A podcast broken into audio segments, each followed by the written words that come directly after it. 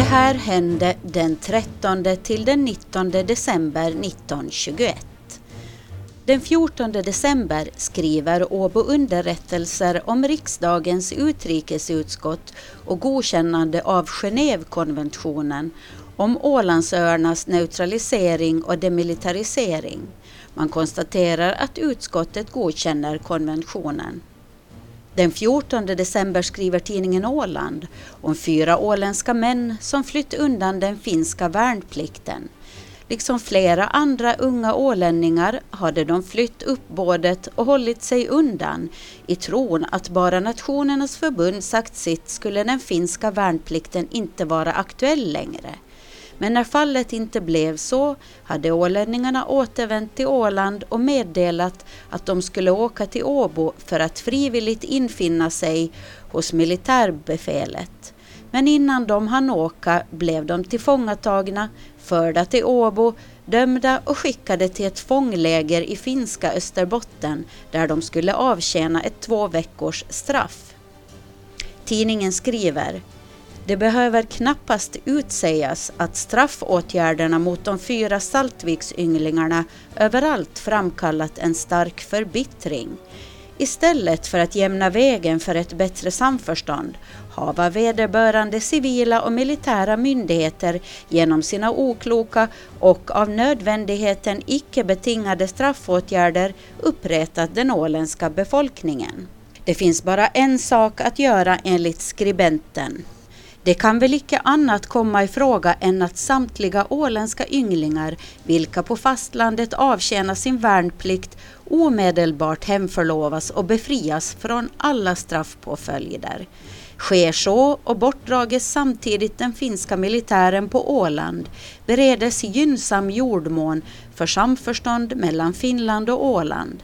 Ett samförstånd som ur finsk synpunkt bör vara synnerligen eftersträvansvärt.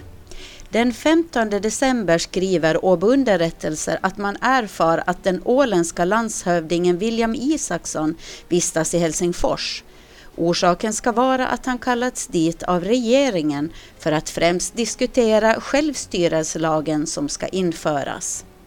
Tidningen skriver Vederbörande i Mariehamn torde låtit förstå att militärens bortdragande från Åland är ett villkor för deltagande i de val självstyrelselagen förutsätter.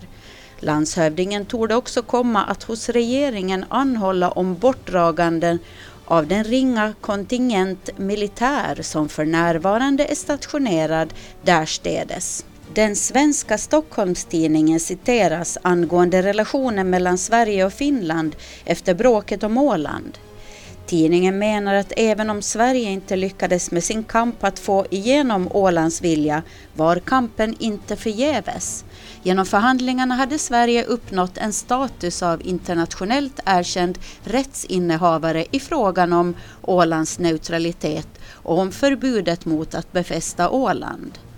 Stockholms-Tidningen skriver och Ålandsbefolkningen har genom de nu på grund av Sveriges politiska aktion framkallade lagarna fått vissa garantier vilka om de lojalt realiseras omöjligen kunna frånkännas ganska stor betydelse för denna befolknings framtid. Tidningen Ålands ledartext den 17 december handlar åter om den finska militärens närvaro på Åland. När allt är bäddat för att Åland ska styra sig själv betonar skribenten nödvändigheten i att Finlands regering jämnar vägen för ett bättre samförstånd genom att beakta och tillmötesgå fullt berättigade åländska krav. Ledarskribenten skriver ett av dessa krav är omedelbart bortdragande av den finska militären från Åland. Skribenten menar att den enda funktion militären har på Åland är att irritera befolkningen. Ett annat, enligt skribenten lika berättigat krav är att amnestin för de åländska värnpliktiga utan dröjsmål tillämpas på de som sent om sidor infunnit sig för att avtjäna sin värnplikt. En nagel i ögat på ålänningarna är även den hemliga polisen som uppenbarat sig på Åland. Enligt skribenten har den sänts för att spionera på den åländska befolkningen. Skribenten skriver så här. och ingenting har varit mer ägnat att påminna om den förhatliga rysstiden än just dessa spionerande poliser vilka uppträtt överallt, där två eller tre varit församlade. Oviljan mot dem är här så stark att med deras bortkallande ett väsentligt hinder för ett bättre samförstånd med Finland vore undanröjt. Skribenten tror inte på det som sägs från centralpolisen i Helsingfors, att detektiverna har som uppgift att granska pass och att övervaka kommunismens verksamhet. Skribenten säger att ortspolisen kan sköta stämpeln på passen och att övervakandet av de röda inte är särskilt effektivt. Han skriver så ingrodde oviljan mot den hemliga polisen att de som har att föra ålänningarnas talan aldrig kommer att frångå kravet på dess bortkallande från Åland. Den hemliga politiska polisen har ingenting här att göra. I samma tidning finns en redogörelse för hur riksdagen debatterade frågan om pengar till den hemliga polisen på Åland. Dr Schåman från Svenska Vänstern föreslog att man skulle dra ner budgeten med 50 000 mark och inte irritera stämningen på Åland genom att ha den hemliga polisen där.